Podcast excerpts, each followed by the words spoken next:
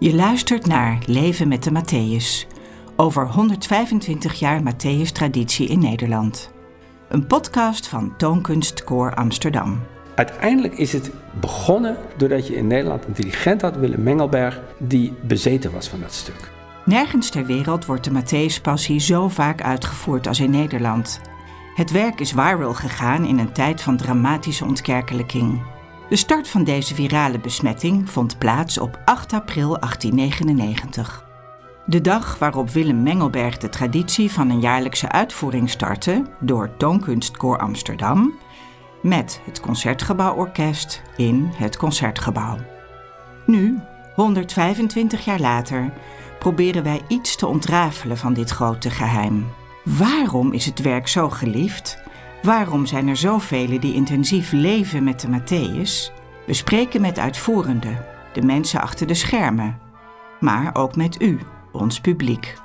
Tussendoor luisteren we naar fragmenten van uitvoeringen van de Matthäus door Toonkunstkoor Amsterdam, nog steeds jaarlijks op Goede Vrijdag te beluisteren in het Concertgebouw.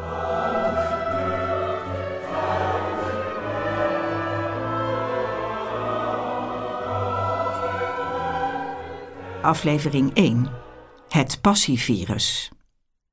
In deze aflevering vertelt toonkunstkoor-dirigent Boudewijn Jansen over de geschiedenis van de Matthäus in Nederland en over de verschillende uitvoeringspraktijken. Verder spreken we met uitvoerenden en luisteraars over hoe zij besmet zijn geraakt met het passievirus.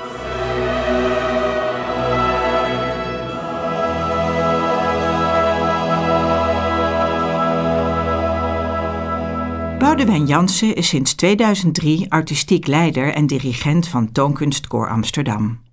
Hij is vertrouwd met een breed repertoire met focus op opera en oratorium.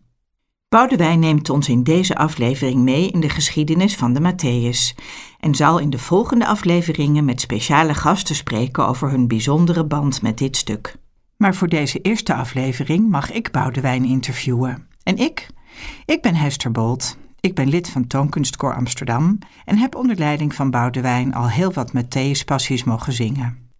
Voor ons gesprek tref ik hem op een regenachtige avond in het Muziektheater in Amsterdam, waar ik hem tussen zijn werkzaamheden door even kan spreken. Lopend over de gangen hoor je hier en daar overal zangers en muzici riedeltjes oefenen.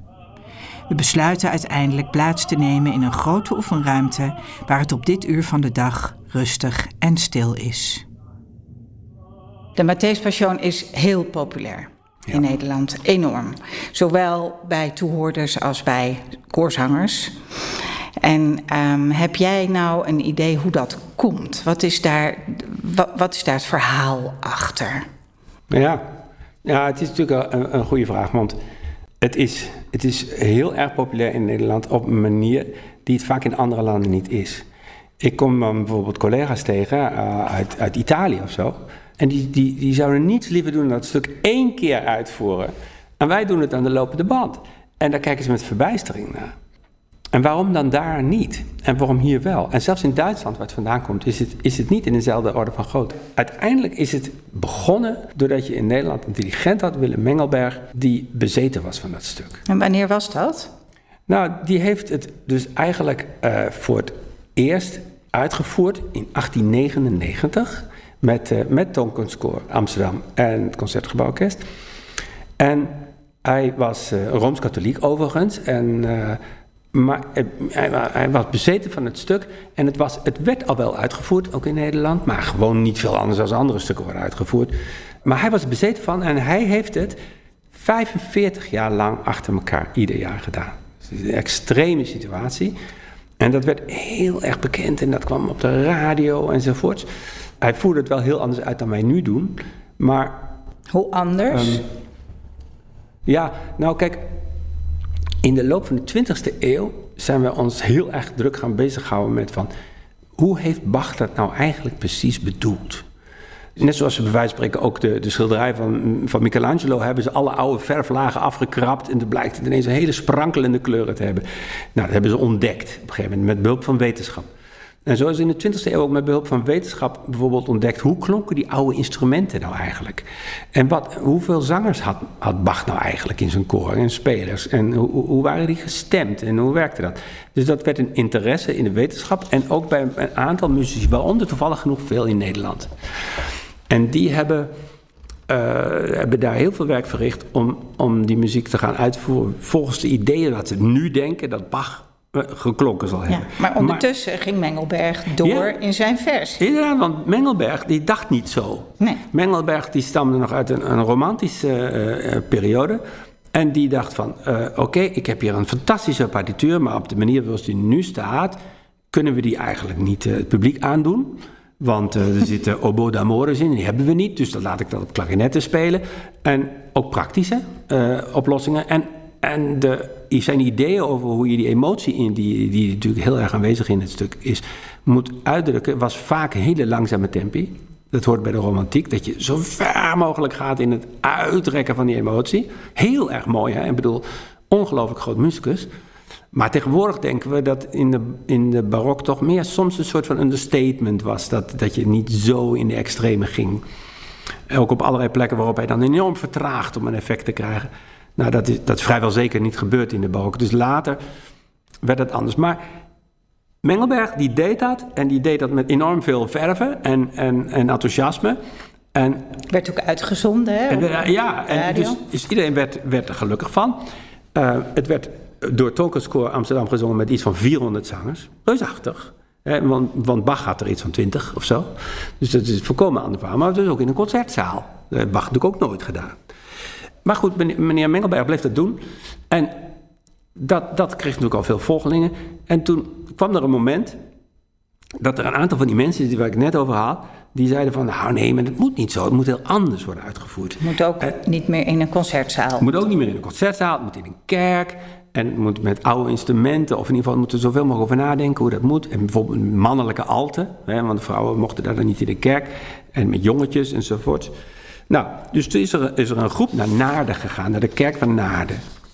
In 1921 ging Schonebeek, Jan Schone, Johan Schonebeek, naar Naarden. Met zijn Bachvereniging. Met zijn Bachvereniging. Ja. Dus toen, toen kwam daar ook een stroming, die, en die zei ook, van wij hebben de ware traditie.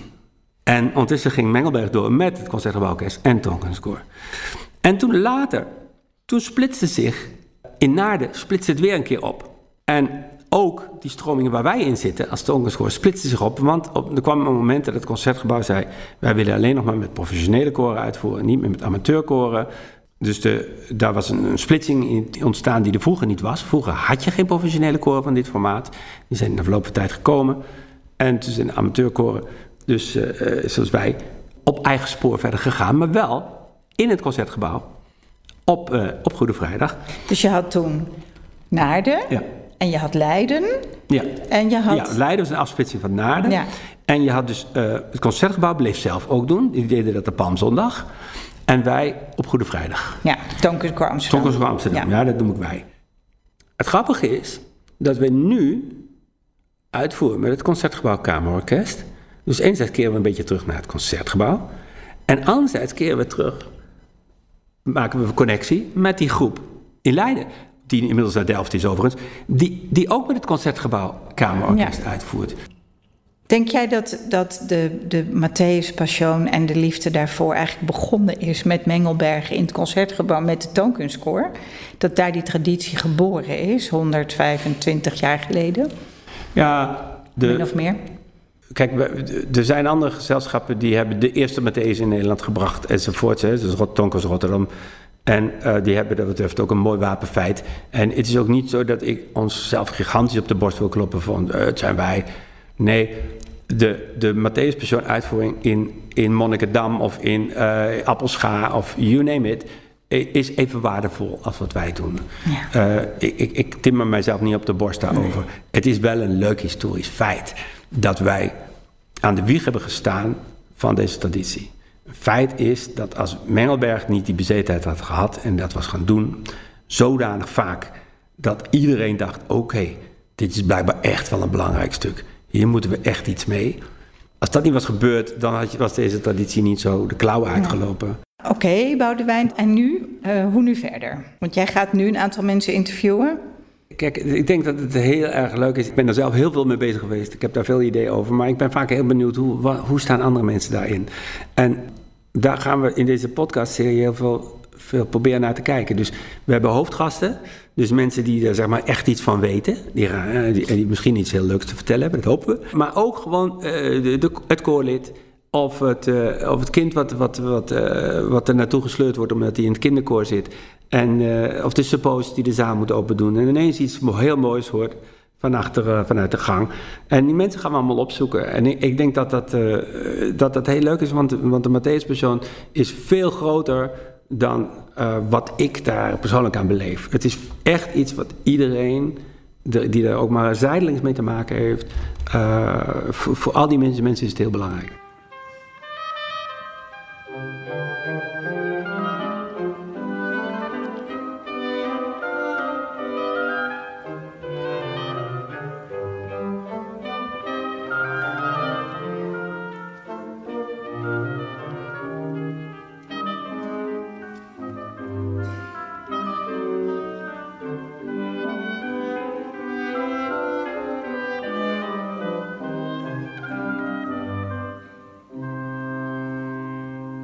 De mensen voor en achter de schermen te interviewen, zijn mijn mede-koorleden Willemijn en Olga op een zonnige zondagochtend al vroeg op pad gegaan naar het Amsterdamse concertgebouw. Hier treffen ze een aantal medewerkers die al druk bezig zijn met de voorbereidingen voor het zondagochtendconcert.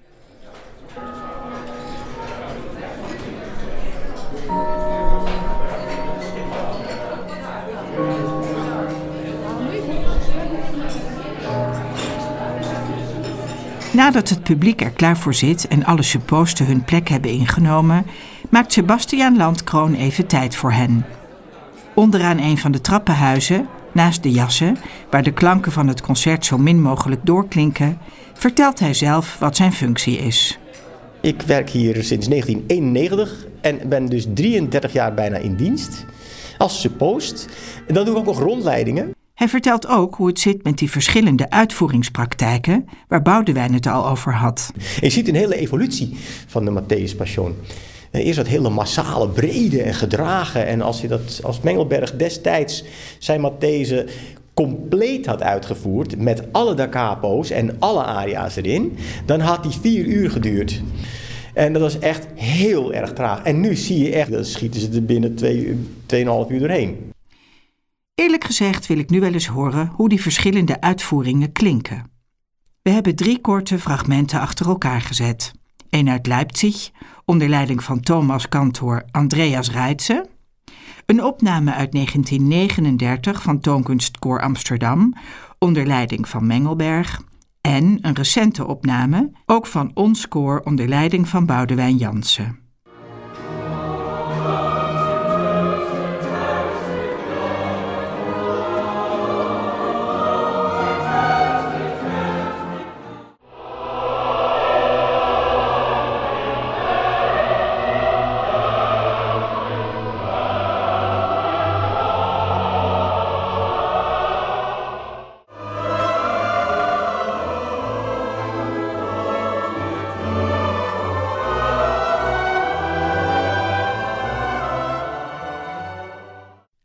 Willemijn en Olga lopen in de catacombe van het concertgebouw Hans van de Boom tegen het lijf.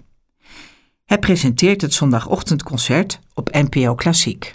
Mengelberg is er destijds mee begonnen. Met dat grootse, dat trage, dat meeslepende. Dat heeft jarenlang geduurd. En toen kwam er hier natuurlijk een soort opvatting van we moeten met de tijd mee. En toen heeft het Concertgebouworkest, ik dacht dat Nicolaas Arnoncourt de eerste was die ze het toen hebben laten doen. Arnoncourt met zijn vernieuwende opvatting snellere tempi. Dat was een revolutionaire ontwikkeling.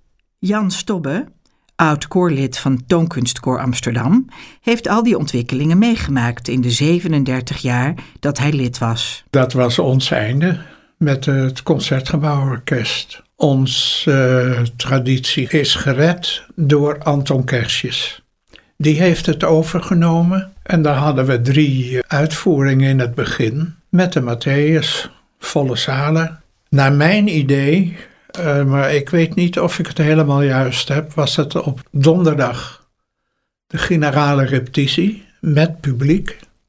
En vrijdag de volksuitvoering. En dan betaalde je zo voor een kaartje 2,50 geloof ik. Dan was het zondag de Palmzondag uitvoering. Maar met kerstjes was het rond Goede Vrijdag. En dat is het tot op de dag van vandaag. Het laatste woord over dit onderwerp is aan Arco van Zon, hoboïst bij het Concertgebouw Kamerorkest. Dit orkest begeleidt Toonkunstkoor Amsterdam tegenwoordig bij hun uitvoeringen van de Matthäuspassie. Ik vind met Boudewijn dat hij een hele mooie balans heeft tussen de muziek voor zichzelf laten spreken, rekening houden met het menselijke, zeg maar de menselijke prestaties, de de solisten, het koor en het orkest. En ook het moment niet schuwen. Er is natuurlijk op die uitvoeringen van Mengelberg en die hele persoonlijke beleving van zo'n dirigent met zo'n stuk is een tegenreactie gekomen in de jaren 60, 50, 60, 70 door de oude muziekpraktijk om alles op te schonen en het, de, de, de muziek voor zichzelf laten spreken. Als je dat heel ver doorvoert, kan het iets academisch worden.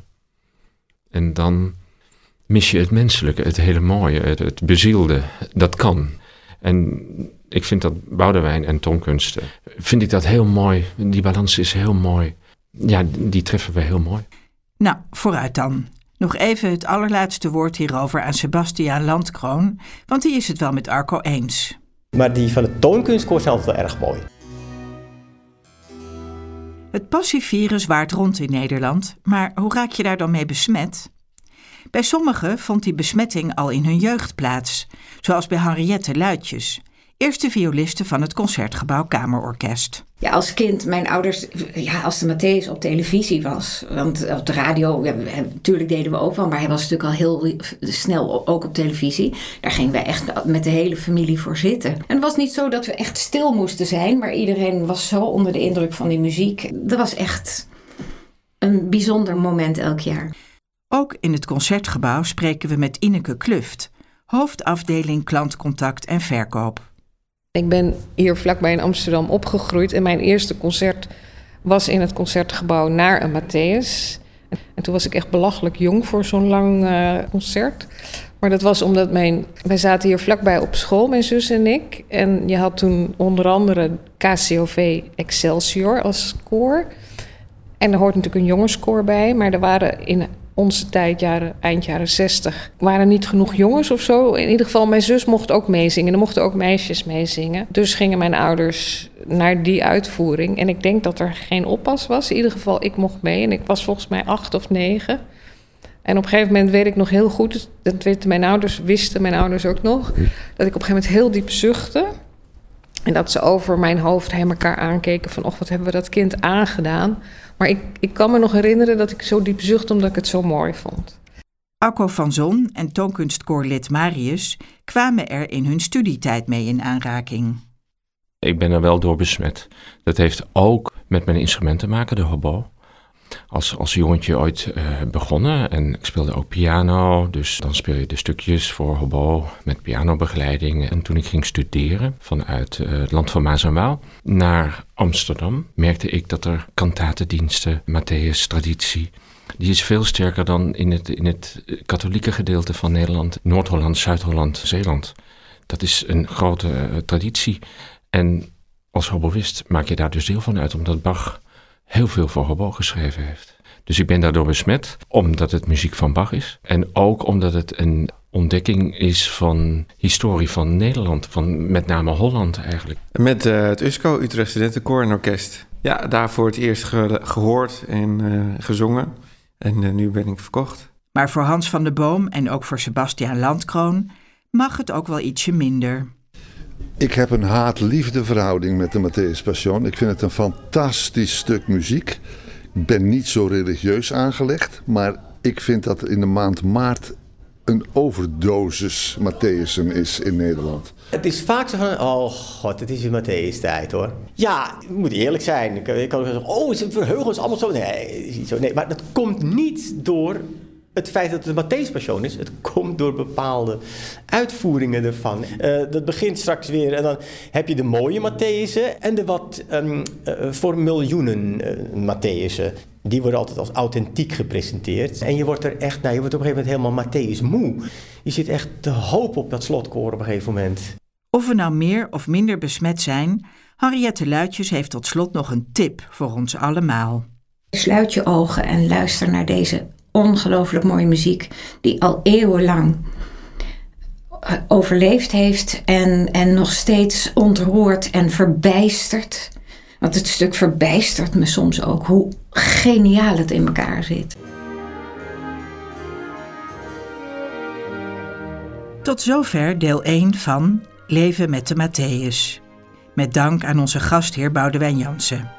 In de tweede aflevering van deze podcast ontvangt hij tenor Twan van der Wolde, die als jonge sopraan op zesjarige leeftijd begon met zingen bij het Roder Jongenskoor.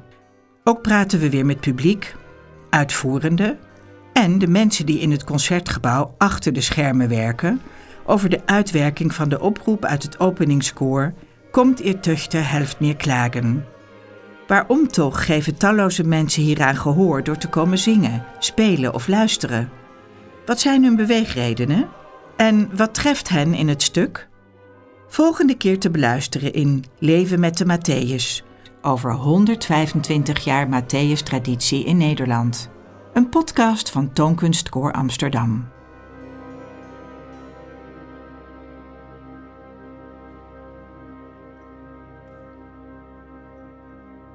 We zien u graag terug in de concertzaal bij onze eerstvolgende uitvoering van de Matthäus in Amsterdam of in Haarlem. Of bij een van onze vele andere concerten. Raadpleeg voor meer informatie onze website www.toonkunstkoor.nl. Vond je het leuk om te luisteren? Like dan deze podcast om op de hoogte te blijven.